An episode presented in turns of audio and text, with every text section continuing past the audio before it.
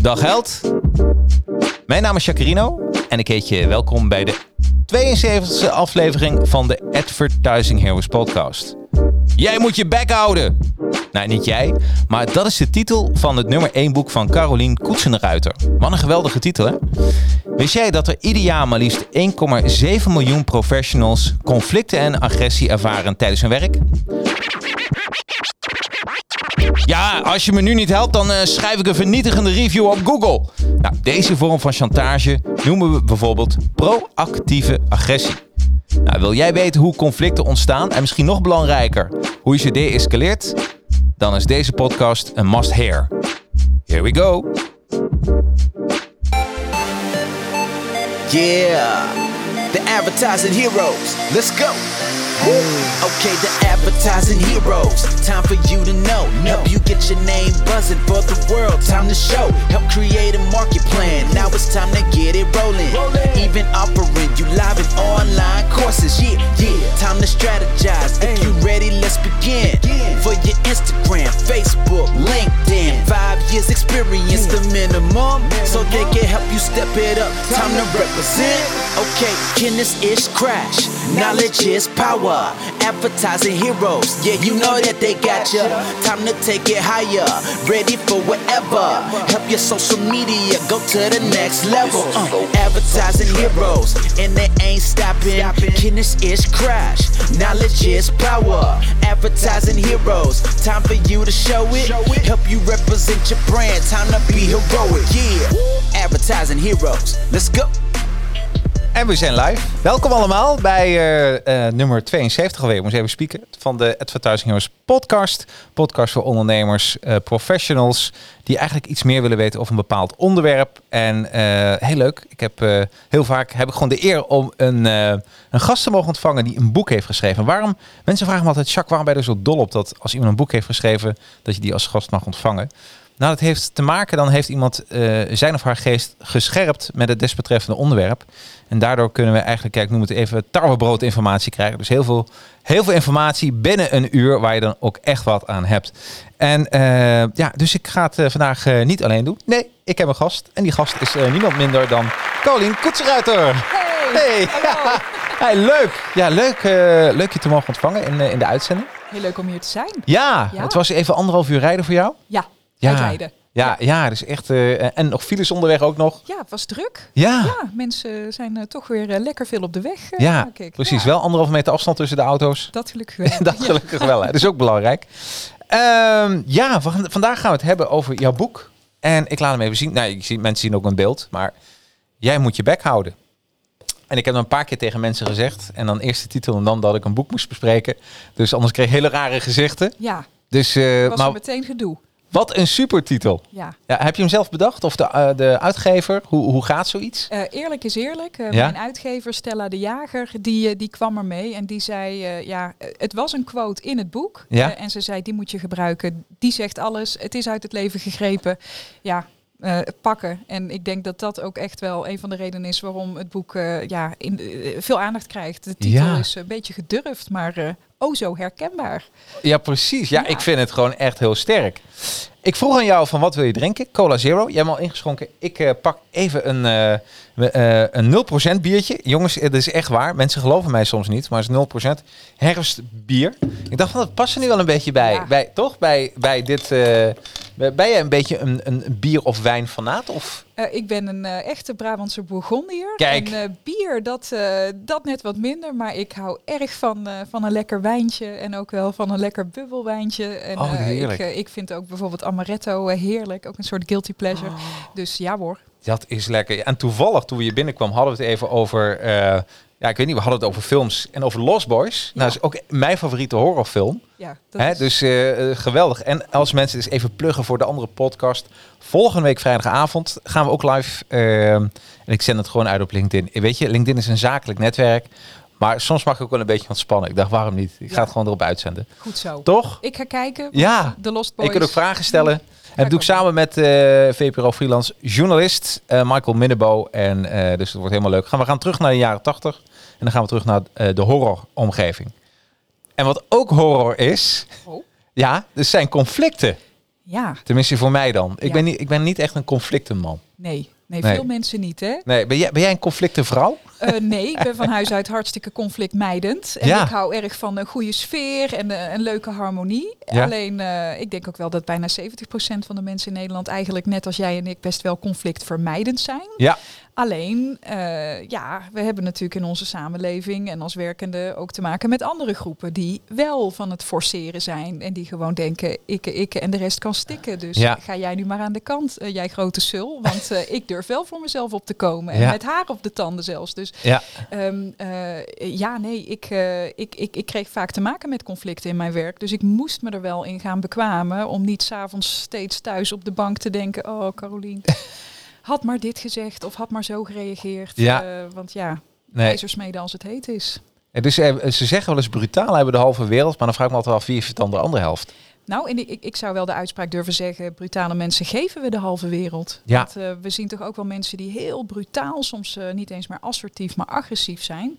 Dat we die eh, een beetje pamperen. Dat we denken, oh, geef die maar gauw zijn zin, want dan is die weg bij ons als, als verpleegkundige of als leerkracht of als ambtenaar. En daarmee ehm, eh, ja, geven we ze eigenlijk ook hè, die ruimte en de beloning om het de volgende keer weer te doen. Ja, Dat absoluut. moeten we niet hebben in Nederland. En, en jouw boek die gaat niet alleen over hoe conflicten ontstaan, wat we daar even op terugkomen, maar ook hoe je ze kan oplossen. Ja, En hoe je ermee om, hoe je ze kan managen. Daar gaat het eigenlijk om, hè? ja. Hey, ehm, wanneer, wat was jouw laatste conflict eigenlijk?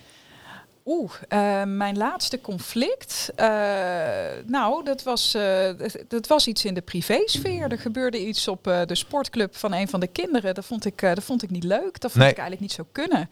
En ehm, ja, wat ik mezelf dan train is in plaats van het te vermijden of het uit de weg te gaan. Ik heb de andere persoon in kwestie s s'avonds toch eventjes opgebeld.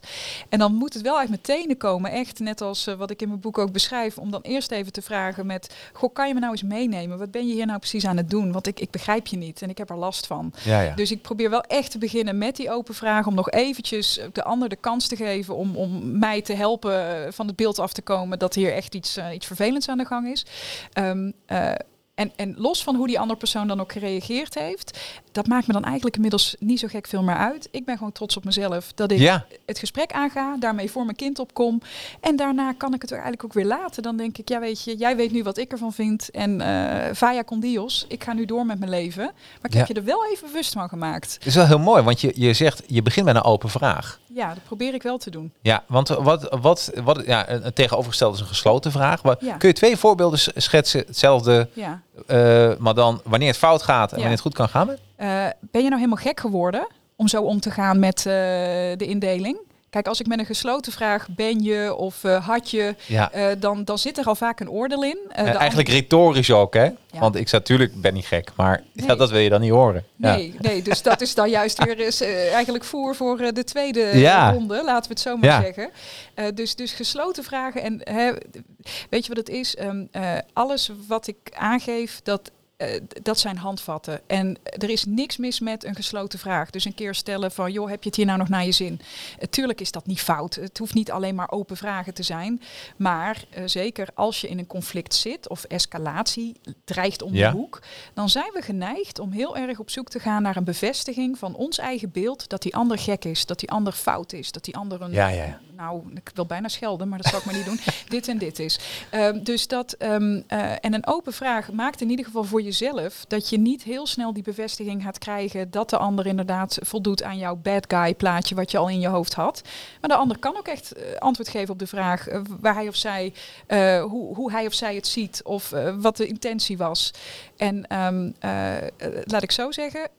We gaan het vast vandaag nog hebben over een andere categorie, namelijk intimidatie. Ja, En daarvan raad ik je juist af om open vragen te stellen, maar dan gaan we grenzen stellen. dan is, het, dan, is het, dan is het echt de volgende fase bereikt. Ja, maar dan heb je Next echt- level. Precies, dan heb je echt te maken met van dat vilijne gedrag op de persoon. Iemand die eh, ja, eh, jou voor een grote prutser uitmaakt of zegt, eh, joh, wat stel je nou eigenlijk voor? Stuur voor jou maar een andere. Joh, je bent gewoon te dom om hier aanwezig te zijn. Nou, daarvan ga ik echt niet adviseren aan jouw luisteraars en kijkers van deze podcast om dan te zeggen, maar goh, hoe bedoelt u dat en wat maakt dat u zo boos bent? Nee, Nee, dan gaan we echt direct naar de grens. dan ga je... Hey, en we hadden het nu even over een privé situatie. Ja. Eh, dat betekent gewoon dat, eh, dat eh, voor de, van de sportclub van je, van je dochter. Maar eh, je boek is eigenlijk ook een soort ode aan de professionals. Juist, ja. Want professionals hebben het best moeilijk in Nederland, hè? als het gaat om conflicten. Ja. ja, best moeilijk. Ik denk heel moeilijk. En eh, ik, ik baseer me daarbij op onderzoek van TNO. Mhm. eh, wat eigenlijk laat zien dat we in 2019, voor het moeilijke coronajaar, wat we natuurlijk dit jaar met elkaar beleven. Ja. In 2019 hadden we, ik hoorde jou vandaag 1,6, maar het is zelfs 1,7 miljoen.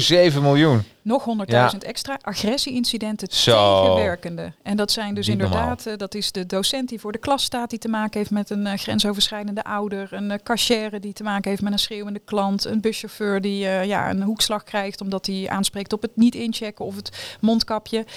Dus we hadden voor corona eigenlijk al, vind ik, een heel groot agressie- en geweldsprobleem richting onze werkenden. Ja. En dit jaar laat zien, met name wat we nu al zien in de zorg, dat 60% van de mensen die nu werken in de zorg een toename zien van die agressie. ja. Dus dan gaan we sky high dit jaar. En Ja. eh, we hadden dus al 1,7. Dat maakt dat een derde van alle werkenden in Nederland, één op de drie, dus gewoon elk jaar opnieuw te maken heeft met ja, agressie of geweld.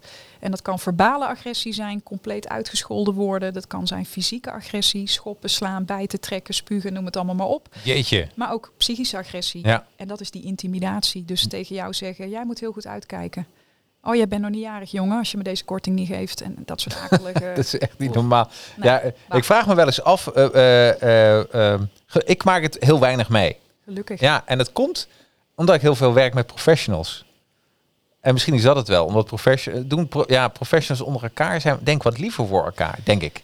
En, nou, eh, eh, Ja? ik, ik ben inmiddels bezig met plannen voor een, eh, een, een, een tweede of misschien ook wel nog een derde boek. En Mhm. in al die cijfers over agressie tegenwerkende ben ik erachter gekomen dat er ook 1,1 miljoen interne agressie-incidenten zijn. En dat Zo. zijn dus professionals onder elkaar. onder elkaar. Ja, terwijl ze eigenlijk dan beter zouden moeten weten, zou je zeggen, toch? I don't know. Ik ja, het, dat is echt bizar. Want de- als je. ja. Ja.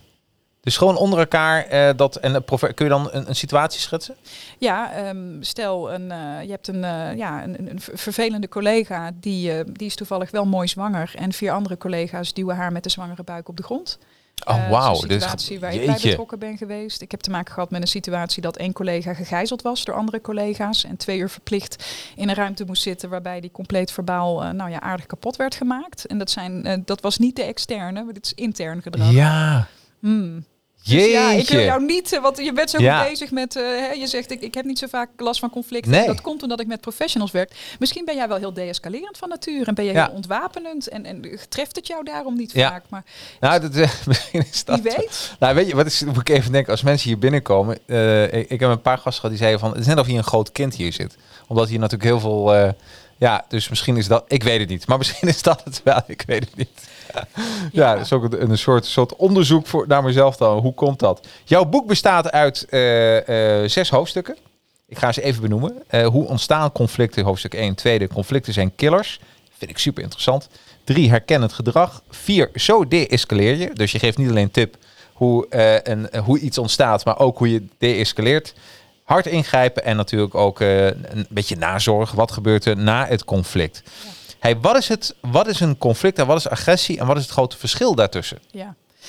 Nou, een conflict ontstaat al veel sneller dan ons lief is. Ehm, ik, ik heb zelf gewerkt met een definitie van een eh, hoogleraar, Evert van der Vliert van de Rijksuniversiteit Groningen. Dus Ja. toch nog even Oh, het ja. over hoe mooi Groningen is, maar dat het soms eh, ook ver afvoelt. Ver af, ja. Ehm, en, en Evert van der Vliert zegt dat er al sprake is van een conflict Mhm. als één van de partijen zich gehinderd voelt of zich ergert aan de ander.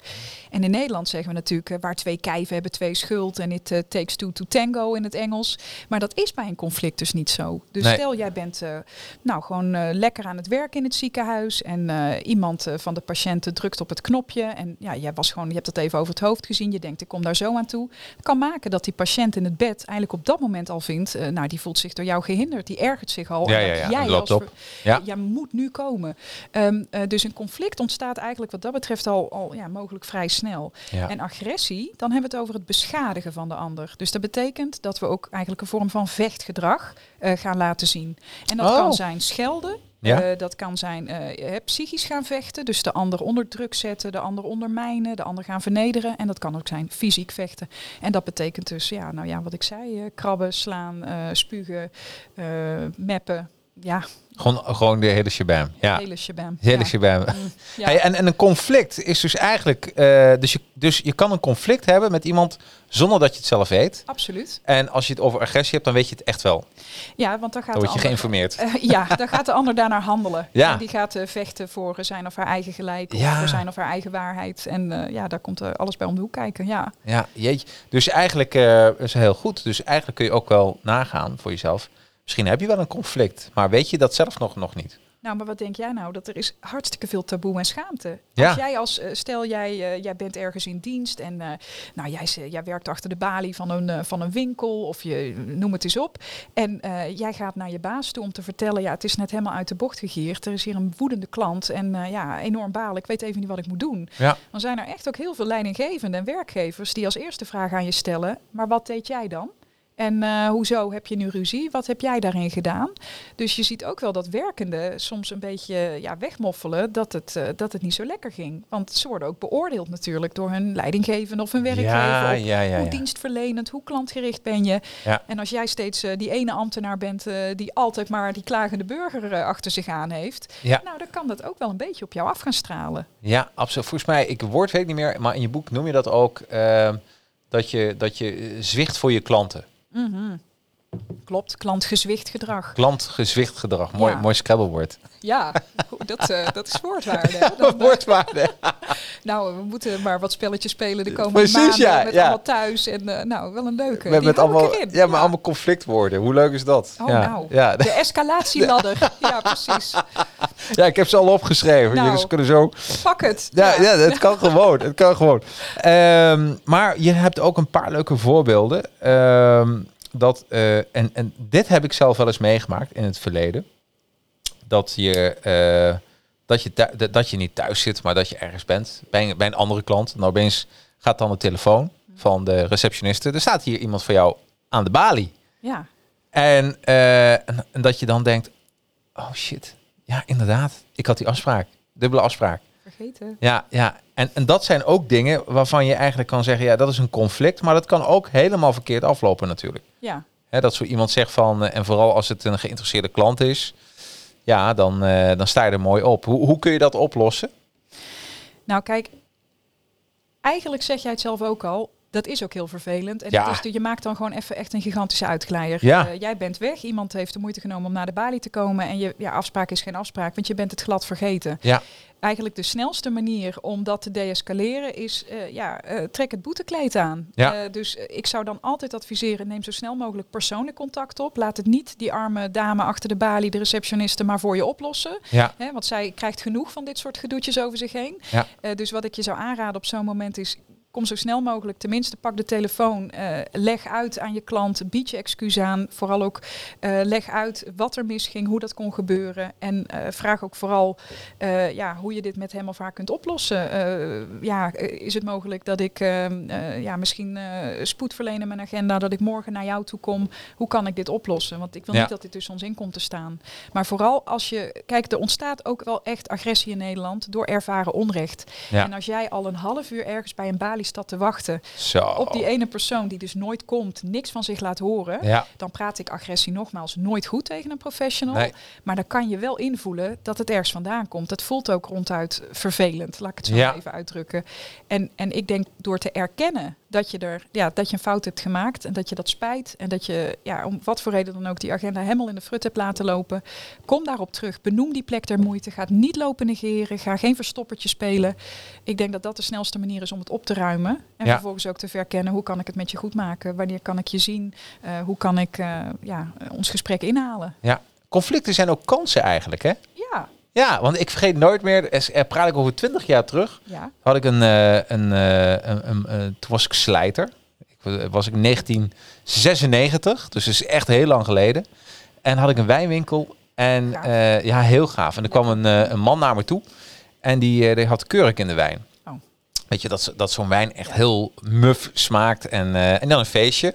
Maar die had, die had gewoon een paar dozen van die wijn. Dus wel een heel muf feestje geworden. Oh, Dus nee, hij kwam bij me al die flessen. En al die flessen. Ah. Dus hij was aan en, en ja, weet je, hij was, hij was echt nou, kwaad niet, teleurgesteld. Hij Ja. zei ja, ik had een feestje en ik had echt helemaal niks. En ja, weet je, eh, eh, dus wat heb ik toen gedaan? Toen heb ik met hem, eh, ben ik in het magazijn gegaan, hebben die wijnen nog even doorgeproefd. Ik zei, dat is echt vreselijk. En ik zei, ik heb hier de goede wijnen staan. En toen heb, ik weet nog wel dat hij iets van vier dozen had. En toen heeft hij van mij zes dozen meegekregen Ja. met, met goede wijn.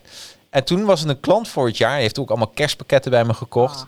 En toen ben ik erachter gekomen dat als iemand, als iemand boos op je is, Ja. dan, dan eh, het positieve eraan is dat er al een, een, een soort emotionele connectie met Ja. jou is. Niet de goede, Ja. maar het is tenminste een Ja, connectie. zeker. Ja. nou, en als je dat dan weet om te turnen, dan heb je misschien eh, heb je, eh, dan, dan heb je een klant voor het leven. Nou ja, is wel, ik heb eens een keer een eh, training gegeven bij een ministerie. En daar zat een hele leuke deelnemer. En die zei, escalatie is net als verliefdheid. Ja, Het kan eenzijdig zijn, maar Ja. precies wat je zegt, je hebt wel echt verbinding, eh, bij wijze van in de kern, eh, met de ander. Ja. Het, het schuurt, het botst. absoluut. En, en, en het mooie is ook, ik- hè, dat is ook helemaal niet de intentie van mijn boek, om mensen bang te laten worden van conflicten. Zeker niet. En zeker niet als je dus zelf ja, een fout hebt gemaakt, je hebt iets over het hoofd gezien of er ging hier iets helemaal fout met de wijn. Ja, Ja, is dat eigenlijk de kans om te laten zien, eh, ja, hoe kan ik het met je goed maken? Verzoenen. Eh, Ja. Dat is net zo'n vak apart als deescaleren. Ja. En, en het mooie is, eh, misschien kwam het wel doordat hij twee dozen extra kreeg, maar ik denk stiekem, maar goed, ik kan het niet checken, dat eh, misschien wel die klant juist ook waardeert dat jij met hem even alle tijd hebt genomen, naar achter bent gegaan, ook zelf bent gaan proeven. Dat hele proces. ja. Het is leuk dat hij twee dozen extra krijgt. Maar je hebt de klant ook, ja, je hebt, het, je hebt hem gezien, je hebt hem gehoord, je hebt hem met respect behandeld.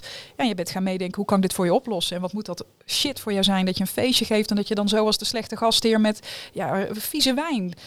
Daar zou ik ook van balen. Ja, ja, absoluut. Ja, weet je, ik denk dat als je het, eh, als je eh, het, het, nog eens een keer vertelt wat die persoon heeft meegemaakt, dan eh, en als je dat vertelt, dan beleef je ook die dat baal, dat ja, dat die, die emotie. Ja. En dan, en dan ben je met z'n tweeën aan het balen en dan ben je een soort lotgenoot geworden van, van het probleem. Maar dat is heel leuk wat je zegt. En dat is ook echt een techniek. Die heb ik in dit boek, denk ik, amper beschreven. Maar Mhm. wat je nu omschrijft is, we maken er een gemeenschappelijke vijand van. Ja. En dat noemen we mutualiseren. Oh, mooi. Het gemeenschappelijk maken. Ja. Dat bindt ons. Want oh, wat moet dat rot zijn geweest. En nu gaan we samen kijken. Want daar hebben we nu geen invloed meer op. Nee, Maar laten we samen eens onderzoeken hoe we dit dan kunnen oplossen. Hoe we dit anders kunnen doen. Hoe we ervan kunnen leren. Of hoe we de volgende keer jij wel knetters goede wijn op dat feest. ja, En dan geef je het waarde. Ja. En, en, en ja, wat jij zegt, het bleek je vast een, een fantastische klant daarna. het is echt eh, super. Ja, U gaf die omzet wel een boost. eh, ja, ik dacht van ik moet meer wijnen hebben met kurk. Nee hoor. Ja, nou ja. Who knows? Who knows, Ja. toch? Hey, en dan, eh ja, degene die er ook mee te maken hebben zijn natuurlijk reisbureaus. Nou. Die, die, die werden bijna over de, door de telefoon heen getrokken. Ja. Hè, dus die jongens die, en, en dames en heren die maken heel wat mee. Ja. En wat ik ook heel grappig vond is dat, dat het ook, je schrijft eigenlijk eh, dat het zelfs een beetje cultureel gebonden is en tijdsbepaald. Ja. Een conf- conflict. Nederland, wij zijn, komen best over als botte boeren eigenlijk. Hè? Mhm. Ja, ja, en zo scoren we ook in Europa, toch? ja. Ja, dat vond ik, eh, dat is wel een, eh, een gevoelig puntje wat je daar treft. Want Ja. ik, ik, nou ja, ik, ik, ik, ik, ben, ik vind het heel fijn om in Nederland te wonen. Ik, ik, ook nu denk ik, goh, wat zijn het moeilijke tijden. Maar nou ja, ehm, ik hoop dat het zo is dat we toch een bepaalde basis hier hebben, waardoor we ook eh, deze moeilijke tijd hopelijk eh, goed doorheen kunnen komen.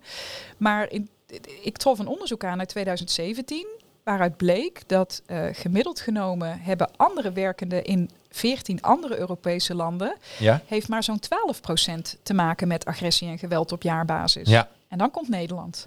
En dan schieten we uit naar 20%. Jeetje. Dat was in 2017. En Ja. in 2019 is dat dus 29%.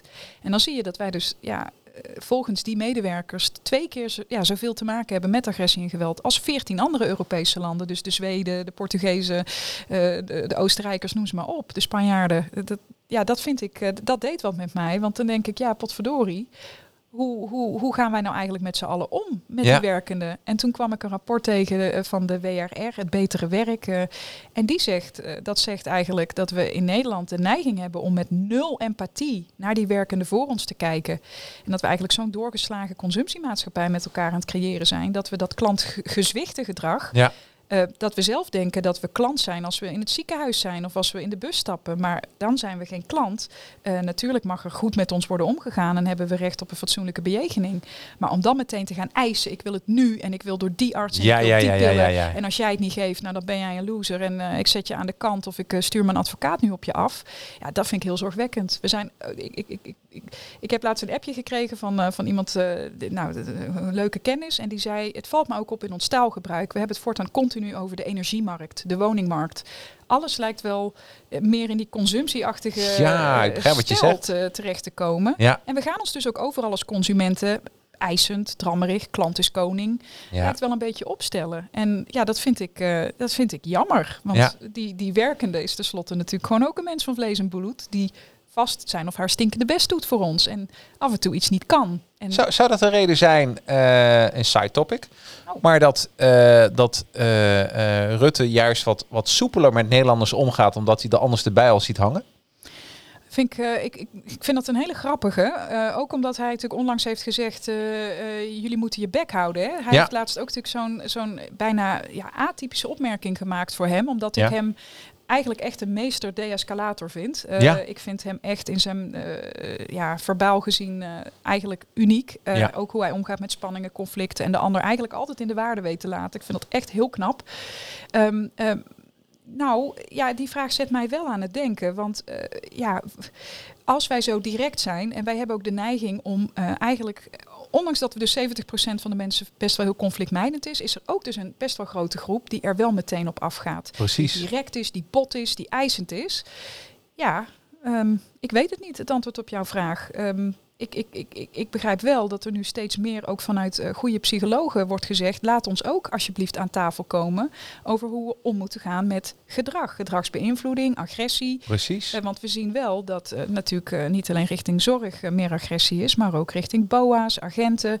Ehm, ja, er zijn nu 150 meldingen elke week van agressie richting OV-personeel, zoals buschauffeurs, tramchauffeurs, omdat ze mensen aanspreken op het mondkapje. Ja. Maar ja, is dat dan de oplossing om mensen met ehm bij wijze van fluwelen handschoenen of meer pamperen te gaan benaderen? Ik zeg dus helemaal niet dat. dat Nee, nee, nee, nee, nee, nee. Maar ik denk dat we dat juist ook niet moeten doen.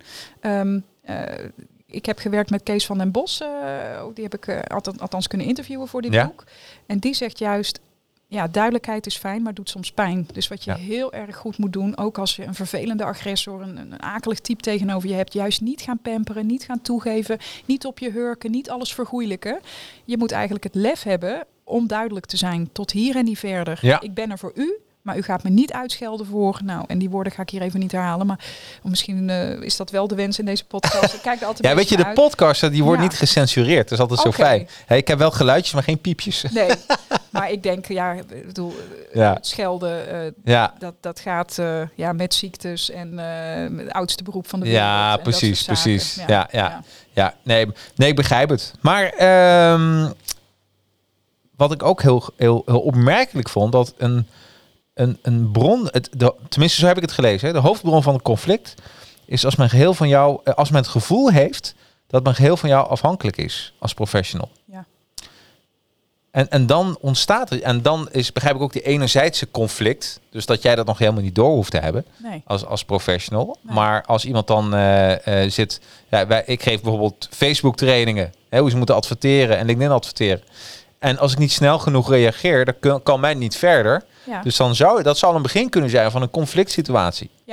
En je ziet het veel in de relatie burger-overheid. Dat eh, stel jij eh, ja, de toeslagenaffaire eh, richting de Belastingdienst, of je hebt een uitkering van de gemeente, Ja, of jij wil iets bouwen en je hebt een vergunning nodig.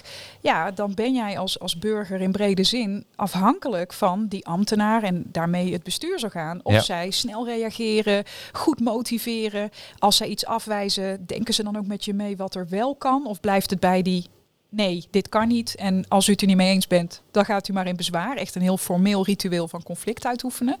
Ehm, eh, dus, dus hoe meer afhankelijk je bent en hoe minder je zelf het gevoel hebt grip te hebben op die eigen situatie. Ja, dan, dan ben je eigenlijk ook hypersensitief en gevoelig voor hoe die ander met jou omgaat. Ja. En als dan en de uitkomst slecht is, je krijgt het niet en je bent nooit teruggebeld. Je moest heel lang wachten. Je voelt je als een nummer behandeld. Ja, dan gaan we op de escalatieladder al heel snel schuiven richting. En nou ben ik het zat. En Ja. dan ga ik schreeuwen, ik ga eh, herhalen, maar misschien dat jullie dan en dan een GVD'tje erbij wel een keer Precies, naar me luisteren. precies. Want ik ben er helemaal klaar mee nu met Ja. jullie. En ja, dat gedrag is eigenlijk, ja, dat zie ik en jullie- jij ook. Het zie Ja. allemaal natuurlijk al van huizenver eigenlijk al aankomen. Ja. Dus afhankelijkheid en een groot verschil in, in, in macht of invloed, ja, is wel een, een kan een echte voedingsbodem zijn voor gedoe, conflicten, agressie. Ja. Nou, vooral weet je, ik vecht natuurlijk voor mijn klanten. En wat ik heel vaak zie, Oh, is dat, eh, dat, eh, dat eh, online bureaus, en dan heb ik het over hostingbedrijven, maar ook die softwarepakketten leveren, die hebben laatst nog steeds, hebben ze in hun mail staan van, en dan ga je een klacht neer, een ticket neerleggen, krijg je een mailtje terug. Ja, door corona kan het allemaal wat langer duren. En ik denk van, hallo, bedoel, dat is echt flauw. Kijk, als het de eerste paar weken is, dan begrijp ik dat. Maar nu, nu als, je, als je nu nog de, denkt van, volgens mij hebben we ergens een virus. ja. Ja, en is dat gebeurd? Eh, dus het wordt een beetje gebeurde eh, als excuus. En wat, wat dan eh, ja, opmerkelijk is, maar als je dan een beetje boos wordt, in je, in je, ik noem het zakelijk boos, Ja. want ik tik zo'n mail en, eh, en ik luister lekker naar heerlijke muziek. Ja. Ja, en dan wordt je verstuurd, maar het is wel effectief. Ja, nee, dat is zo. En dit is, ik vind het leuk wat je zegt, dat jij denkt dat het een gelegenheidsargument is. Hè? Dat Ja. dan eh, een beetje op afstand houden en eh, wees lief voor ons, want we hebben het door corona heel druk. Nou, jij Ja. gelooft het al niet. Nee, En, en ehm, heel vaak, eh, en ja, daar hebben we het al over, brutale mens geven we de halve wereld of neemt hij de halve wereld.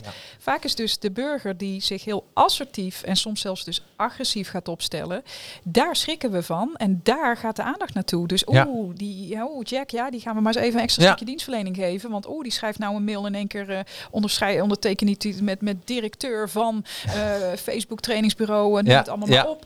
Eh, ja, als we op zo'n manier eh, de strijd aangaan, ja, dan, dan, dan zie ik ook vaak dat juist die groep beloond wordt. Ja. En dat is natuurlijk een prikkel, want wat ga jij de volgende keer doen? ja, het, ja eh, want het werkt. Ja. Ik bedoel, eh, eh, en, en, en dan word je ook doorverwezen naar een collega. En dat is altijd een goed teken, want dat betekent gewoon dat, weet je, dan ben je één poortje voorbij. en zo werkt het dan ook weer. Ja, nou ja, herhaald gedrag is beloond gedrag. Ja. Dus, dus op het moment dat jij merkt, dit werkt, ja, dan we zijn als mens natuurlijk, ja, ik vind dat wel grappig hoe we geëvolueerd Ja. zijn. Daar willen we meer van. We zijn Ja. natuurlijk hartstikke pinter wat dat betreft. Alleen je moet wel even realiseren dat als je als bedrijf steeds op dit soort signalen ingaat en de, ja, de brave Hendrikjes maar laat wachten, Ja, ja, die groep zal dus kleiner en kleiner worden. Want dit gaat natuurlijk, jij vertelt het nu eh on Ja, air. Maar precies. dit vertellen we ook op feestjes. Joh, je moet van je afbijten. Je moet een beetje met gestrekt been erin. Een beetje eisen stellen. Een beetje onder druk zetten. Nou, ieder- iedereen kent die verhalen wel. ja, Dat eh, mensen eh, wat willen terugbrengen naar een winkel. En eh, Hmm. nou, er is een on- ontstaan een discussie. En die persoon blijft gewoon, ja, ik ga niet weg. Die zegt ook, ik ga Ja. niet weg. Ja. En die krijgt meestal 9 van de 10 keer gelijk. En dat zijn, dat zijn de verhalen tijdens een, een verjaardagsfeestje. ja. En dan denken dat ik het gros. hey, dit is handig, die strategie. Ja, Ja, dus eigenlijk zou je een boek kunnen maken met conflictstrategieën. Nou? Van conflict naar winst.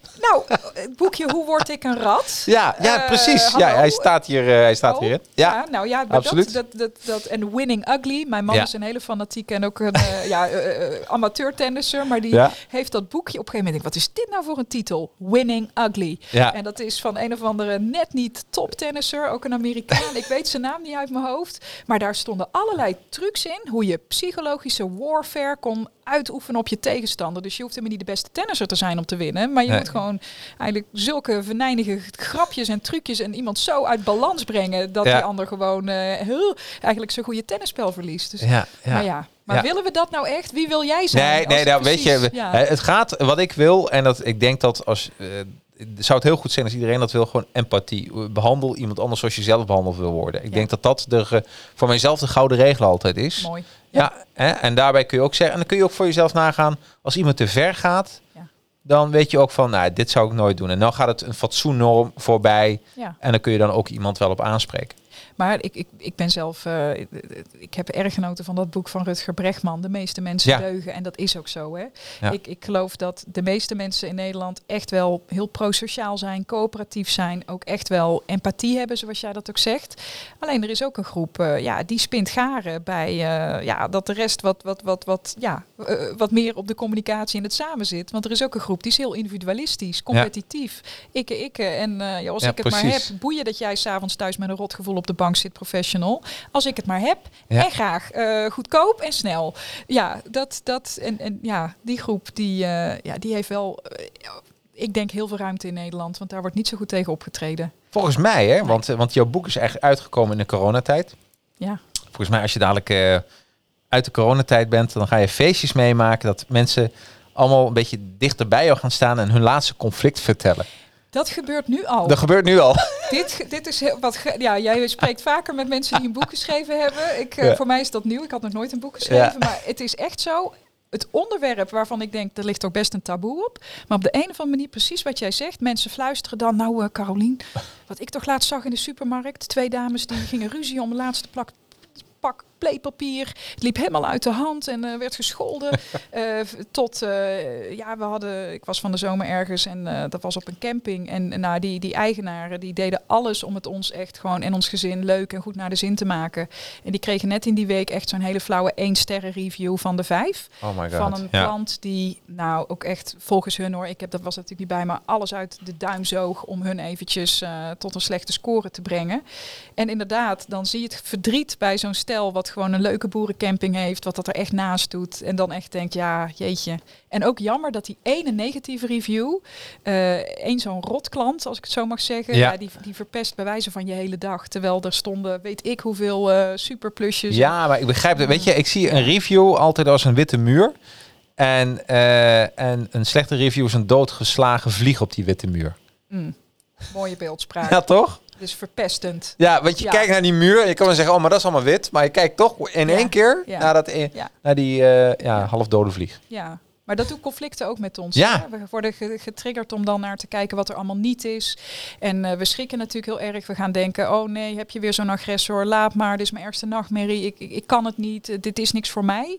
Dus ook die gedachten, die, die, hè, de- ja, we zijn als mens blijkbaar nogal geneigd om als het spannend wordt ook echt wel hele belemmerende, Gedachten te negatieve, hebben. ja, en die, die, die enge platgeslagen vlieg dan heel de tijd uitvergroot te zien. Ja, In plaats de rest van het gebied. Maar ja, Ja. Dat, ja, nou, probeer er maar eens een witte muur. Ik, de- ik denk dat dat het een beetje is. Hè? ja, ja. ja. Hey, en wat ik natuurlijk super interessant vind, eh, en dan even met mijn achtergrond als, eh, als marketeer, is eh, jouw hoofdstuk nummer twee, conflicten zijn killers. En dan praat je over vechten, vluchten en verstarren. Mhm. En laat zeggen, wij krijgen nu een conflict. Ja. Wat gebeurt er op dat moment in mijn brein?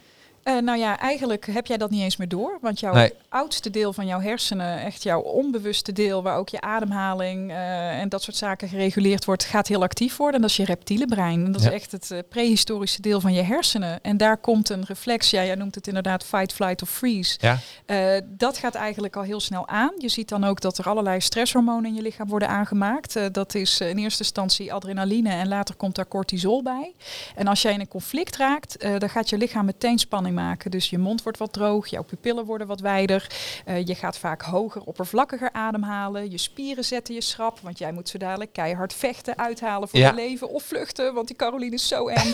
oh mijn god, dit eh, red ik nooit. Of misschien wel kom jij in de categorie die ik veel meemaak bij medewerkers, dat ze helemaal verstarren, niet meer weten hoe te reageren en Mhm. uren later pas kunnen bedenken, oh ik had dit moeten zeggen of nou ik had gewoon eh, hulp van een collega moeten roepen. Ja.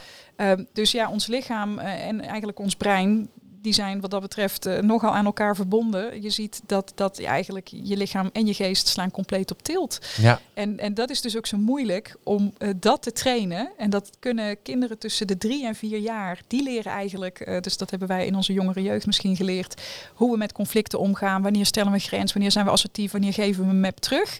En eigenlijk, zoals ik, die op latere leeftijd erachter kwam, ik ben veel te vermijdend, ik moet echt eens iets, ik moet daar echt op af. Ik moet ook die grens leren stellen, of ik moet in ieder geval voor mezelf op kunnen komen ja. is dus ook veel moeilijker om dat te trainen. Want ons reptiele brein, ja, dat gaat aan.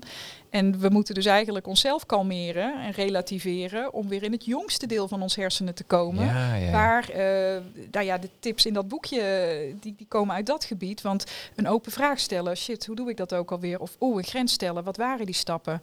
En, en het is heel moeilijk om creatief te zijn onder spanning. Ja. En, en ja, dat, dat, is, dat is het hele punt. Eh, hoe doe je dat? Hoe creëer je net voldoende afstand dat je weer een beetje in het overzicht komt? Dat je denkt, wacht even, dit is frustratie of nee, dit is intimidatie. Oké, hoe zat het ook alweer? Bij frustratie ga ik kalmeren, ga ik iets doen met die emotie.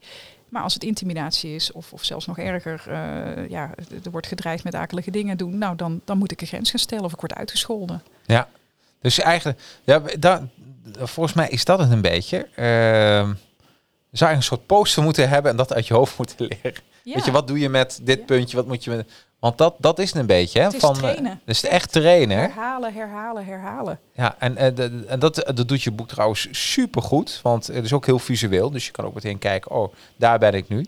En ik denk dat als je een conflict meemaakt, dan ga je het de eerste keer niet goed doen. De tweede keer ook niet. Maar als je het meegemaakt, kan ik me voorstellen dat je even bedenkt van, wat is er nou precies gebeurd? Ja. Hè, gewoon even voor jezelf. En dan je boek erbij pakt en dan volgende keer kan ik misschien dit en dit doen. Dat je dat in je hoofd even afspeelt. Oh ja, dat is ook mogelijk. Maar dat is precies wat, wat je eerder zei over dat conflicten dus ook ergens... Hey, het, het, het is doodeng, het Ja. is vervelend, eh, je staat stijf van de stresshormonen, je hartslag gaat omhoog, je longblaasjes verwijden zich, je krijgt een rode vlek in de nek, zweethandjes, misschien wel zulke kringen hier onder de Ja. oksels. Dat is er allemaal ook. Ja. Maar als jij zegt, eh, als je de moeite neemt om daarna ook te kijken, eh, en wij hebben echt niet altijd invloed op het gedrag van de ander, maar wel, hé, hey, Nee. wacht even, wat heb ik gedaan? Hoe zou ik het de andere keer kunnen doen? Eh, dan zie je dat conflicten dus eigenlijk in die zin echt een bron zijn voor persoonlijke groei. Dat je er assertiever van kan Ja. worden. En inmiddels stel ik niet meer de grens, omdat ik altijd maar hoop dat de ander dan meteen stopt met prutser zeggen of wat dan ook. Maar ik vind het zo gaaf dat het mij lukt om in het moment, terwijl er iets echt gebeurt, ik ervaar onrecht, ik word voor iets uitgemaakt wat helemaal niet klopt, wat, wat denigrerend of zelfs vernederend is, dat het mij gewoon lukt om dan de ander aan te spreken en aan te geven wat ik ervan vind en aan te geven wat ik wil dat er gebeurt. Ja. Nou, dan, d- dat doet al zoveel met eh, ja, hoe jij je daarna voelt. Los eh, hoe die ander ook reageert. Ja, dat, dat is eigenlijk... Dat mag niemand je ooit nog afnemen. Nee, En, en kijk, en met agressie is niet goed, vind ik. Maar een conflict, soms heeft de ander ook wel gelijk. Dat, Ja. je, dat je hem zo hoort praten en je, ja, verrek. Ja, je hebt gelijk. Truth bomb. Ja, Ja. hè, dus, en, en dat komt ook. En om dat toe te geven, eh, eh, dat, dat, dat zie ik heel vaak. eh, ik vind het heel, heel nerderig van me. Maar ik vind het soms leuk om tijdens het werk die, die Tweede Kamer Ja. dingen te, te horen. Ja. Omdat het altijd leuk is, weet je wel. En je leert er weer wat van. En, maar wat mij opvalt is dat bijna mensen die er iets staan te verkondigen... nooit kleur willen bekennen. Nee. Dat ze alleen maar bij hun standpunt blijven. En dan denk ik, ja, zo krijg je ook een conflict. Helemaal waar. Eh, als je alleen maar aan het zenden bent Ja. en er is geen uitwisseling meer. De kwaliteit van uitwisseling. De, überhaupt dat je ingaat op wat de ander zegt. Of dat je daar even op reflecteert. Als je dat niet doet, Precies. dan praat je echt volledig langs elkaar heen. Ja. En, en wat ik een heel mooie uitspraak vind is, ehm, eh, die, die is niet van mij hoor, maar van Marshall Rosenberg. En dat is een soort van de grondlegger van non-violent communication, geweldloze communicatie. Die zegt juist dat je uit elk meningsverschil in 20 minuten kan komen als ik uit jouw mond hoor wat mijn behoefte was en jij uit mijn mond hoort Ja. wat jouw behoefte was. Als wij kunnen laten zien, ik heb echt geluisterd met, met dat voorbeeld van die wijn of eh, in mij eh, met die sportclub of wat dan ook. Als wij dat naar elkaar kunnen uitspreken, dan kan het zijn dat we op inhoud nog steeds het anders zien. Maar dan hebben wij geen conflict. Dan wordt dat niet persoonlijk. Dan gaat dat niet escaleren. Nee, Maar het moeilijke is dus, blijf je luisteren? Of Ja. ga je alleen maar lopen? zenden. Ja. Ja. En Ben je aan het wachten Ja. om, Om, jezelf om te reageren. En dan, en dan luister je eigenlijk al niet meer. Nee, hè? nee, nee, nee, nee. Nee, is heel mooi. Eh, dat is een podcast die ik heb opgenomen met Elke Wis. Ja, eh, Socrates op sneakers. ja. En eh, daarin heb ik haar een fragment laten horen. En ik ben totaal niet politiek gekleurd. Ik bedoel, en dat is ook echt waar. Ik bedoel, eh, de laatste keer dat ik moest stemmen, om een heel slecht verhaal trouwens. De laatste keer dat ik Oh, heb, heb gestemd, was ik, was ik met, mijn, met, met mijn hond was ik aan het wandelen en ondertussen moest ik gaan stemmen. Ik wist het echt niet. En op een gegeven moment hoorde ik, een, dus, hoorde ik vogeltjes fluiten in de boom. En mijn hond die keek me heel vragend aan. En toen dacht ik, oké, dierenpartij. Heb ik op de dierenpartij gestemd. ja. Dus, eh, dus dat, zo, zo, Zo, zo laat jij in Zo- inspireren van wat komt er nu op Ja, af. ik dacht, die arme, die, hè, die is, is heel klein. En oh, nou, ik vind het mooi. Dat is dan een klein partij die, eh, die toch nog eens een, de, kan meeblaffen Ja. tijdens de dingen. Dus ik dacht, wel hartstikke mooi. Maar, ehm, eh, maar hoe kom ik hier eigenlijk op? Elke wis, Socrates. Elke wis, ja. En, eh, op, Zit jij nou mijn luisterkwaliteit? V, en, eh, VLSD, hè, vragen, luisteren, samenvatten, doorvragen was het toch of niet? LSD doe ik altijd. Korter. Luisteren, Eh, samenvatten, doorvragen. Ja, LSD. Dus de hele, hele, ja. Maar wat ik, wat ik heel grappig vond, is dat op een gegeven moment was Thierry Baudet, die was daar, die, die, die, die hoorde een stelling. En toen zei hij van, oh, daar moet ik even over nadenken. En toen hoorde je voorzitter zeggen, ja, dat is, hier, dat is hier niet de bedoeling.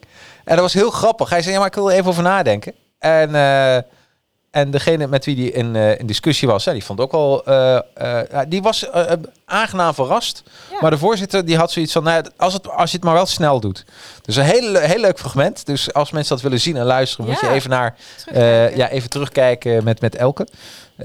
Maar dat is dus wat er gebeurt. Dat mensen, dat, dat je zelfs al vanuit overheidsniveau, dat ja, je zit er gewoon om je ideeën te verkondigen, maar ja, om met elkaar in discussie te gaan, en om daar.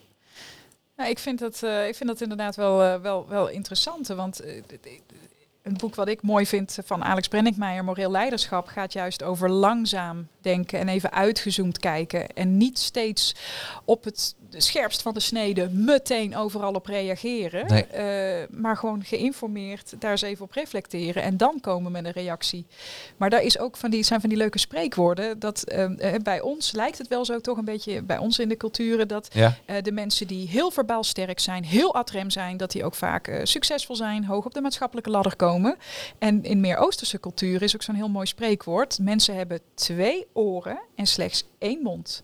En in die verhouding communiceert een wijs mens. Dus twee keer zoveel luisteren in Mooi. plaats van, Ja, dat is, dat is echt heel mooi. ja, Ja, maar dat, nou, dat is, maar mensen die, eh, die praten, ja, die vallen natuurlijk meer op in een groep die helemaal stil is. Ik denk dat dat, zal dat er een beetje mee te maken hebben? Eh, maar het is ook rangordegedrag. Want eh, zeker als, als van jou verwacht wordt eh, dat je altijd het woord neemt. En misschien zit je wel in een groep waarin het helemaal niet gepikt wordt. Dat jij je mond open trekt. Want je bent de jongste of je weet nog niet zoveel. Of je ligt niet zo heel populair. Ja. Dus het, het, wie heeft hier spreekrecht is ook zo'n heel interessant eh, thema. Oh ja, ja, ja. Oh, iedereen heeft dat wel een keer meegemaakt. Dat denk ik wel. Iedereen, dat je denkt van, oh, dit is niet mijn plaats. Ken je plek. Ken je plek, Ja. ja. Dat wordt dan eh, misschien ook nog wel gewoon uitgesproken. die 1,1 miljoen eh, interne agressieincidenten. Hou je bek. Hou je Of, eh, bek. Ja, je, ja, jij, je moet je bek houden. Nou. Dus, hè. hey, dan hebben we ook nog, wat ik ook, wat ja, heel mooie metafoor is, ehm, als een vliegtuig naar beneden stort. Mhm. En er komt zo'n, zo'n, zo'n, ja, wat is het? Geen mondkapje, maar er komt iets naar beneden. Ja. Waar, hè, eh, eh, ja, dat, wie ga je als eerste redden? Je kind of jezelf? Ja, ik, ik denk dat ik heel lang in de categorie viel. eh, eerst alle anderen. Ja. Alleen dan lig jij uiteindelijk eh knock-out vanwege zuurstofgebrek in zo'n zieke of in zo'n vliegtuig. Dus dat, dat, nee, dat is het natuurlijk niet. En dat, dat zijn dus inzichten die ik vooral ook tegen mezelf heb moeten uitspreken. Het is helemaal niet egocentrisch om te zorgen dat je in een gesprek onder spanning vooral eerst eventjes rustig gaat ademen. Iets gaat doen aan die spierspanning. Want als we schrikken doen we dit. En Ja, ja, ja, ja, ja. ook nog eens dat we niet in dat jongste deel van die hersenen komen waar die begrenzingen zitten of dat creatief met het conflict om kunnen gaan. Eh, dus inderdaad, eh, zelfzorg, eh, dat is de basis eigenlijk. Als je iets in het conflict of wil descaleren, begin eerst bij jezelf. Ja. Neem Ja. even afstand. Wat doe ik? Wat kan ik doen? Eh, ook hoe kom ik hier veilig weg? Maar ook wat kan ik nu het beste doen of zeggen? En ja, dat is een gedragskeuze. En die is moeilijk onder spanning. Je neiging is het reptiele brein. Dat is gewoon heel simpel. Vechten, vluchten, verstarren. Daar hoef je niks voor te doen. Dat Nee. doet het reptiele brein wel voor je. Maar als je dat niveau wil ontstijgen, daar red je het vaak niet mee. Zeker niet nu als werkende. Nee. Ja, dan, dan moeten we echt iets gaan doen met, met ademhaling, spierspanning. Maar ook wel met je eigen gedachten in het moment. Ik, ik heb, eh, ik heb eh, een, een paar weken geleden had ik een gesprek met eh, Aaron Ausmaar. En Aaron is een eh, personal trainer. En we hadden het over een paar Netflix documentaires. En eentje is eh, Last Chance You. En dat gaat over, dat gaat over Amerikaanse jongeren. Ja? Die eh, komen in het American voetbalwereldje terecht. Oeh. En dan heb je zo'n coach die hun de hele tijd verrot scheldt. Mm. En toen dacht ik bij mezelf, ehm, en had ik ook tijdens het lezen van jouw boek, ehm, want ik ben nu bezig met het laatste seizoen, seizoen 4. Dat is echt wel een aanrader. Maar dan zie je zo'n coach tekeer gaan en die jongens, ja, die kijken ap- apathisch voor hen uit. En ze nemen het ook niet meer op. Nee. En die coach die is boos van, ja, begrijpen jullie het niet? Luisteren jullie wel? En eigenlijk is wat er dan gebeurt. Hè? Men, men verstart. Men kan niet, eh, eh, als men vlucht, dan is hun toekomst weg, letterlijk. ja. Hè, dus die coach weet dat. Als men vecht, is hun toekomst ook weg. Dus het enige wat ze kunnen doen is het over hen heen laten gaan en verstarren. Maar dan neem je ook niets meer op, hè? Nee. Nee, ik denk dat dat. eh, ja, ik, ik ben altijd benieuwd naar wat daar het. eh, ja, misschien is dat veel te rooskleurig gedacht, maar het didactische model onder is. Eh, Ja. Steeds mensen wijzen op hun tekortkoming. Jullie begrijpen er niks van, jullie weten niks. Wat ik zelf een hele, hele inspirerende techniek vind en eigenlijk theorie vind, is juist appreciative inquiry. Dus ga eens op zoek naar de waarde van iemand. En in plaats van dat we al onze kinderen in Nederland steeds focussen op die ene onvoldoende op het rapport, ga eens kijken waar zitten de, de zevens, de achters, de negens en hoe Ja. krijgen we daar meer van. En, en volgens mij gaan mensen veel meer eh, tot bloei komen of worden die topatleet in, in, in, in die sport wat ze daar in Amerika Ja. blijkbaar met elkaar, eh, waar ze heel goed in zijn.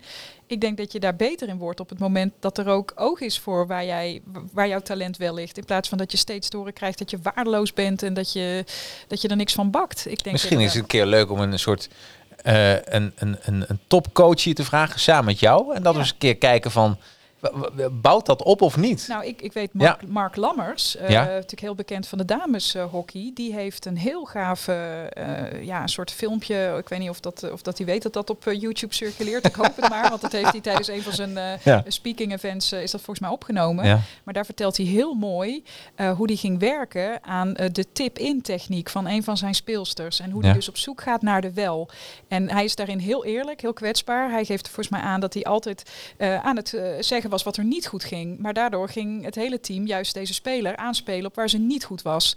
En uiteindelijk vraagt ook iemand uit het publiek, waar dan wel? Ja. Mark, waar dan wel? Ja. Ik vind ook zo mooi, heel veel mensen die denken dat ze weten wat je niet wil, is niet automatisch weten wat je wel wil. Nee. En dat is ook bij een conflict. eh, het mag niet escaleren. Ik wil geen gezichtsverlies leiden. Het mag me niks kosten. Mensen gaan heel erg focussen op wat ze niet willen in een conflict. Precies. Maar achter een klacht ligt misschien wel een wens. Of maar Ja. wat is nou de wel van jou, van de ander? Daar zit natuurlijk veel meer ruimte, beweging, eh, oplossingspotentieel. Ja, ik kom wel een keer terug hoor. Lijkt Ja, leuk. met, Het lijkt me- Ja, dus, ik zou je bijna willen vragen om eens een keer die Last Chance You, seizoen 1 en e- eerste aflevering. ja. En dan heb je echt een coach, mooi voorbeeld. En die, die heeft, die heeft echt een rij achter elkaar gewonnen. Dus het succes heeft hij aan zijn broek hangen. ja. Maar als je ziet hoe die met de jongens omgaat, dan denk je, mijn god, dit kan toch niet? Nee, het is En- grensoverschrijdend. eh. Ja, ja, ontzettend. Ja, ontzettend. En, en echt uitschelden. eh nou, eh, eh. Het is voor iedereen een aanrader om dat te kijken. Ook met het oog op leiderschap en hoe je met mensen om moet gaan. Ja, is dat niet? Maar goed, misschien zit ik dingen aan elkaar te knopen. En ik ben echt de minst sportieve persoon van heel Nederland. Nou, ik, Dus, heb, ik, eh, ik zeg van, sommigen hebben een sportgen, ik heb een sportgeen. Ja, nou, dat eh, zit ik ook echt in die categorie. Ehm, ehm, maar je hoort natuurlijk wel steeds meer, ook, ook wat er in Nederland natuurlijk heeft gespeeld rondom turnen en dat soort zaken. Ja. Dat er vaak echt een angstcultuur, dat, dat, Ja. dat jonge mensen echt geïntimideerd, eh, Nou, dat- afgebrand, afhankelijk worden gemaakt. Daar is die weer. Ja, Hè? Ik kan alleen iets van jou maken, dus eh, je doet alles wat ik zeg. Een heel ongezonde machtsverhouding. ja. Ja, en uiteindelijk, wat levert dat je op? Eh, ja, ik vraag me af of dat, dat zo prestatieverhogend dat vraag is. ik mij ook af hoor. Maar Nou. ja, weet je, en als iemand het succes aan zijn broek heeft, wordt hij gekopieerd door andere coaches. En voor je weet is dat gewoon de cultuur in American football. De norm. de norm van hoe je met mensen om moet gaan. Dus, dus eh, jij hebt het ook over het 5G-model. En dan bedoel ik niet eh, de nieuwste T-Mobile model voor, maar eh, ja. het, ja, het Hier complotmodel. zit het dus ook al in, hè? Ja, ja, ja, ook nog complotdenken in het, Ja. in het boek. Nou, en je hebt het over gebeurtenis, gedachte, gevoel, gedrag, gevolg. Kun je een beetje uitleggen wat je, wat je daarmee bedoelt? ja, ja, dat is het model. Dat is van, van Albert Ellis. En dat is wel echt een... ook dat is er eentje in de categorie... Ja, ik weet niet... als je er eenmaal bekend mee bent, dan is het een keiharde spiegel. Eh, Ja. Want... Laat ik zo zeggen, voordat Albert Ellis met dat model om de proppen kwam, eh, gingen veel mensen ervan uit. Nee, het komt door die hele vervelende klant, door die gebeurtenis, doordat Ah. hij mij verrot scholde voor, voor klootzak of, of kutwijf of noem het maar op. Sorry voor die taal. Eh, door die gebeurtenis komt het dat ik eh, nou, hele nare gedachten kreeg, eh, heel veel stress begon te voelen, Ja. eh, me daardoor ook ben ja, heel ongemakkelijk in het gesprek ben, ben gaan opstellen. Dat komt allemaal door die gebeurtenis. En Albert Ellis heeft daar heel erg korte metten mee gemaakt, want die zegt... Hou jezelf niet klein. Jij bent niet de speelbal van de ander. Het kan zijn dat een hele vervelende gebeurtenis, grensoverschrijdende coach of een rare klant of Ja, ja, ja, ja, noem ze maar op. Maar het zijn altijd nog jouw eigen gedachtes waar jij invloed op hebt. En de neiging van mensen is onder spanning juist hele negatieve, belemmerende. Nou, dit is mijn ergste nachtmerrie. Dit overleef ik niet. Dat soort dingen te gaan zeggen in het moment. Ja. Waardoor die stress, die cortisol, al die negatieve effecten alleen nog maar meer toenemen. Dus wij vergroten en verergeren daarmee soms ook echt. Wij maken van, van een vervelende klant echt een monster. Van, eh, nou ja, eh, de horror Ja. komt volgende week. Van Ja. King Kong-achtige proporties. Wat vaak ook helemaal niet klopt. Nee. En wat Albert Ellis zegt, zelfmanagement, zelfzorg, eh, werken met dat 5G-model betekent, pak die enorm uit de hand gelopen gedachten nou eens beet en check eens even, klopt het wel wat ik denk? Is nu dat deze klant mij klootzak noemt, is dat echt mijn ergste nachtmerrie in het leven? Nou, dat klopt natuurlijk niet. Ik, ik heb bijvoorbeeld twee kinderen en een lieve man en een hele lieve kat. Uh, als daar iets mee gebeurt, dat staat in mijn eerste nachtmerrie Precies, en precies. Niet dat deze ene hele nare man die gewoon zijn zin niet krijgt mij voor, nou al die scheldwoorden uit gaat maken. Dus uh, Albert Ellis die, die geeft je technieken in handen waarmee je eigenlijk weer rationaliseert die, die, die horrorgedachtes. Oh, even een stapje terug doet. Klopt het wel wat ik denk? Ja, ja. Hoe zeker weet ik dit? Carolien, je hebt wel voor hetere vuren gestaan, joh. Je hebt in uh, gevangeniswezen rondgelopen. Je hebt bij justitie gezeten. Laat dit nou niet het loopje met je nemen. Dus Nee. mijn gedachte, die klopt gewoon niet.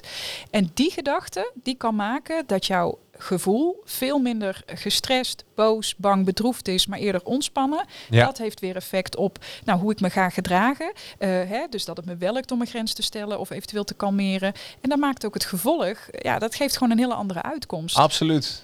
Ja, En dat vind ik, eh, ja, dat is wel een, eh, maar het is wel vervelend, want je kunt daar dus niet zeggen, het komt allemaal door die ander, hè, dat ik eh, dit of dat doe, of dat ik, hè, ik had gewoon mijn dag niet, maar dat komt door hem. Ja, daar zegt Albert Ellis van, nou ja, daar ligt wel echt eens iets bij jezelf. Ja. Je kan het een helemaal een loopje met je laten nemen, maar dat hoeft niet. Ja, je kan ook wel onder, als je heel vaak komt er een gevoel binnen zonder dat je ra- rationeel begrijpt wat er gebeurt. Ja. Dus als je dan even een stapje terug doet en denkt van, hé, waarom voel ik me eigenlijk zo? Oh ja, dus, en zo leer je ook weer wat over jezelf. Dat is toch ook weer mooi. Ja, maar dat, nou ja, dat is echt het hele punt met conflicten. Ja. Eh, conflicten, geboortes, overlijden. Ik denk dat je echt de puurste kanten van mensen gaat zien op zo'n Ja. moment.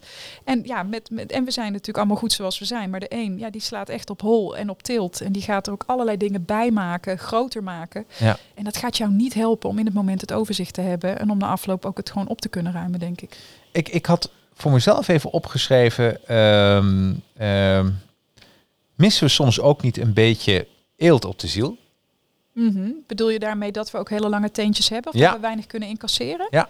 Ja, nou dat, dat, daar ben ik. Kijk, ehm, de vraag is dus, hè, we weten dat er 1,7 miljoen agressieincidenten tegenwerkende waren in 2019. Mhm. Ehm, dat is interessant, want die werkenden zijn natuurlijk ook mensen. Dus Ja. die doen dat waarschijnlijk misschien ook wel zelf. Ja. Dat, dat, dat, dat, zet me, dat geeft me te denken. En vinden we nou, ehm, eh, hebben, ik zie af en toe dat we ook wel in, in het maatschappelijke debat, dat er heel veel dingen zijn waar we het niet meer over hebben. Of woorden die verkeerd vallen. Hè. We hebben ook echt wel, we zijn ook sensitief. Eh, volgens Ja, mij ja. hebben we zeker dit jaar allemaal alarmerende omstandigheden.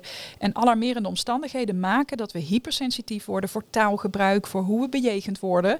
En ja, misschien hebben we dus wel, ook zeker nu, eh, absoluut geen eelt. Maar zijn we allemaal heel strak afgesteld. Ja, ja, ja. En er hoeft maar dit gezegd te worden of ik voel me aangesproken. ja precies. En eh, nou, dit pik ik niet. Ja. Dus eh, ja, er is gewoon iets wat, wat. Ik vind dat ook heel moeilijk om dat te vangen. Maar ik ben daar wel veel over aan het nadenken. Ik probeer er ook in mee te denken van wat is dat nou? En wat ik vaak zie gebeuren is dat professionals, werkenden, die gaan communiceren op goed geluk. Dus op het moment dat ik zeg alle ambtenaren de brandstapel op. eh, en dat is een hele rare uitspraak. Ja, maar ja. kan voortkomen uit een opstapeling van gebeurtenissen richting de overheid. Ja, waar wij allemaal geen brood van, eh, de honden Nee. geen brood van lusten. En wat ik dan soms zie is dat de ambtenaar denkt, oh oké, nu mag ik meteen een grens stellen. En nu ga ik lekker het gesprek beëindigen. En daarvan denk ik, ja, ho eens even. Dat is dus echt geen eelt op de ziel. Want Nee. wat die ander zegt is niet op de persoon. Nee. Ik hoor stemverhef, daar zit onmacht onder. Dat Ja. zou kunnen, er is iets gebeurd. Ja, Eh, en, en, en waar ik voor wil waken is dat we gaan communiceren op goed geluk. En nu op alles ook maar meteen een grens gaan plakken. Want dat is helemaal niet, eh, dat is helemaal niet goed, want dan gaat het juist escaleren. Eh, en, en als iemand echt vanuit een oprechte emotie, frustratie, een enorm fout, ja, dat kenbaar maakt en daar echt verbolgen over is. En we kunnen dat niet ontvangen, dan denk ik, zit jij ook wel op de goede plek. ja. Want ja, als jij veel contact hebt met klanten, externe burgers, ouders, passagiers, noem ze maar op. Ja, dan, dan, dan, eh, dan denk ik dat het in ieder geval fijn is in jouw persoonlijke vakmanschap. Dat je weet uit welke categorie, wat heb ik hier absoluut, absoluut. Maar daar wordt vaak niet in geïnvesteerd. Nee. Mensen worden heel slecht opgeleid. Nou, weet je, en dat is eh, eh, ook leuk. T- met Luc de Wolf, het, onze talentenfluisteraar, die heeft een talentonderzoek laten doen. En dat, en dat is een test uit zijn boek. Oh, gaaf. Dus ook drie, vier podcasten terug. Dat zien mensen wel. Maar eh, dat vond ik ook heel leuk. Want toen ging ik ook nadenken van... Ja, heel veel mensen zitten gewoon net wat je zegt... niet op hun plek. Nee. Het zijn hele goede mensen... maar niet voor die functie. Nee. Hè? Want je moet, je, ik denk ook als je een beetje conflictbemiddelaar wil zijn, moet je ook eh over bepaalde vaardigheden. eh, al automatisch moet je daarover, ja, die moet je gewoon in je hebben, in je DNA. Ja, dat, dat denk ik in principe. Ja, ik weet niet of ik dat ook wel denk. Want ehm, eh, als jij bijvoorbeeld, hè, ik ben ook mediator, terwijl ik van huis uit hartstikke conflictmijnend ben. Ja. Eh, maar daarmee juist dus ook iets hebt met het onderwerp. En ehm, eh, stel nu dat je een, eh, eh, niet zozeer als mediator, maar je hebt een, een agressietrainer die zo perfect alles van nature ademt. Ja. Hoe moet die in hemelsnaam ooit iemand zoals ik een paar jaar terug overbrengen? Ja, hoe je dat doet. Dus soms is het misschien ook wel eens interessant dat iemand die zelf best wel van Oh ver ja, ja, ik begrijp het. die kan ja. ook heel goed misschien wel uitleggen en ook verbinding met jou maken dat je niet de enige bent, dat het lastig is. Precies. Maar als ik het kan, hey, dan kan jij het ook. We gaan het gewoon onderzoeken, ja. We gaan hoe dan ook iets groter naar huis dan we binnenkwamen. Ehm, en maar er hoort wel een stukje zelfontwikkeling dan bij. ja, en als je die bereidheid niet hebt, Nee. of je denkt het is allemaal maar de ander die eh, zich moet aanpassen naar mij. Ja. Nee, en dan vind ik ook weer hier, als jij als werkgever ziet dat je zo'n zo'n collega hebt of een medewerker hebt die een totale mismatch heeft, ja, grijp dan ook in. Ja, en ga dan tuurlijk. dat moeilijke gesprek maar aan van ik zie jou op een plek, maar jij kan helemaal niet met mensen omgaan. En dat zou ik iets anders verwoorden, maar dat, dat, dat gaat hem niet worden. Nee, Eh, nee. Dus ik ga je of erbij helpen om, om dat beter onder de knie te krijgen, of we gaan echt samen zoeken naar wat anders, want dit, dit, dit wordt hem niet. Nee. Nou, ik vond het wel eh, een leuk gesprek, dus het wordt hem zeker. Oké. Ehm, ja, en want dit was dan. eh, ehm, ehm, ik pakte nog even eentje uit, die vond ik ook heel leuk. Dat was pagina 48. Ik heb ook weer even dingen natuurlijk even opgeschreven voor mezelf. En dat was de. eh, ja, heb ik dat goed? 48. Dat is het kantelmoment. Even kijken, want op een gegeven moment is het nou 48. Ja, dit was het kantelmoment voor jezelf. Eh, ehm, even kijken. Ja, er hing een moeder aan. Ik citeer even uit je boek. Nou ja. Er, er hing een moeder aan de lijn die het volgende op een rustige toon tegen me zei. Ik hoop dat u morgen een krantje koopt, mevrouw Koetsen-Ruiter. Als u eh, die uit huisplaatsing niet tegenhoudt, dan gooi ik vanavond nog de kinderen van de flat en komt dat door u. Ja, Dat was voor jou het moment. Dat was, dat was zo'n ja. zo'n kantelmoment. Ja. Ja. toch? Nou, ik vind dat, en dat is eh, eigenlijk wel een hele gave rode draad. Want dat was een verschrikkelijk moment. Ja. Maar dat heeft mij misschien wel het grootste inzicht gebracht. Waar ik tot op de dag van vandaag anderen in, in mee wil nemen. En Ja. eh, ik had tot op dat moment ook altijd de indruk dat alle vormen van agressie of weerstand, dat dat emotie gedreven was. En ik zeg eigenlijk stiekem had ik gewoon een beetje roze glazen in mijn bril. Want ik vergoeilijkte alles. Oh, deze moeder die, die is angstig. Of kijk, die wil gewoon voor de kinderen zorgen. Of eh, nou, zo kon ik alles een beetje framen als dat is emotie. En dit was een moment waarbij ik verantwoordelijk werd gemaakt voor iets vreselijks. Het van de flat afgooien van kinderen. En die mevrouw maakte het persoonlijk. En die zei ook dat, dat ze het niet zou doen als ik iets tegen zou houden. Dus die Ja. was echt aan het, die was zo heftig, grensoverschrijdend, emotioneel aan het chanteren. Dat op dat moment de roze glaasjes, ik, ik draag af en toe ook een bril, die Ja. vielen eruit. Ja. En het, ik zeg niet dat er zwarte glazen voor in de plek zijn gekomen. Dat ik altijd nu iedereen als heel negatief bestempel. Dat wil ik per se niet. Maar ik heb wel neutrale glazen in die bril gezet. Want ik moest op dat moment echt wakker worden en zien. Dit is niet emotie. Dit is iemand die bewust haar gedrag inzet om mij eh, onder druk te zetten, bang te maken, schuldgevoel los te maken, loyaliteit naar die kinderen eh, te, te, te, los te maken. En eigenlijk dat ik precies ging doen wat zij wilde. Ehm, eh, ik heb daar overigens wel follow-up aan gegeven. Dus dat is ook bij een signaleringsoverleg aan de orde geweest. En er is ook s'avonds nog iemand bij die mevrouw gaan kijken. Nou, die zat lekker rustig tv te kijken en de kinderen lagen in bed. Maar zij heeft echt geprobeerd ja, haar gedrag als instrument, als manipulatief instrument in te zetten om mij te bewerken. Zodat ik, wat ik ook helemaal niet kon. Ik had die mogelijkheden ook helemaal niet. Maar zij heeft het geprobeerd. Ja. En ja, dat is wel een moment geweest waarop ik dacht: hé, hey, we moeten ook eens stoppen in Nederland en ook eh, misschien in de rest van de wereld te denken dat ehm, eh, ja, emotie altijd voortkomt uit agressie. Het kan ook heel berekenend, calculerend, heel Ja. filijn worden ingezet met nul empathie voor jou. Ja. is die weer. Ja, Nou, eigenlijk wil ik een beetje ode doen aan een conflict. Want ik denk dat... eh, ik, heb, ik, ik had je boek gelezen. ja, En toen dacht ik van... eh, eigenlijk eh, als ik naar mijn eigen professie kijk... en naar je eigen groei... dat komt altijd... De beste groei komt voort uit pijn. Hoe raar dat ook klinkt.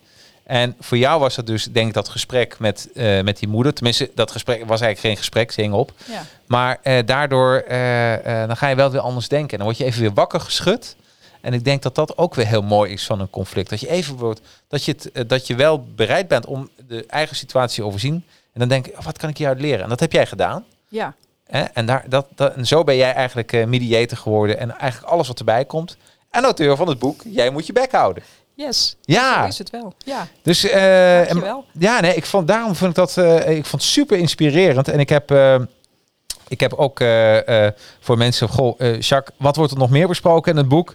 Nou, herken het gedrag, eh, verschillende soorten conflictgedrag, eh, eh, rationeel, gefrustreerd, instrumenteel en psychopathisch zelfs. Maar ook hoe de-escaleer je? Daar gaan we ook het hebben, of tenminste wij, nee, Carolien gaat het hebben over de twee denkfouten bij escalatie. En, ehm, en ook, wat zijn succesvolle mensen? Oh, Ja, want dat, dat, vond ik, dat vond ik ook nog even leuk. geinig. Even kijken hoor. Wat, wat dat voor. Ja, weet je, daar gaat het meestal. Want ehm, ik laat even voor de camera zien.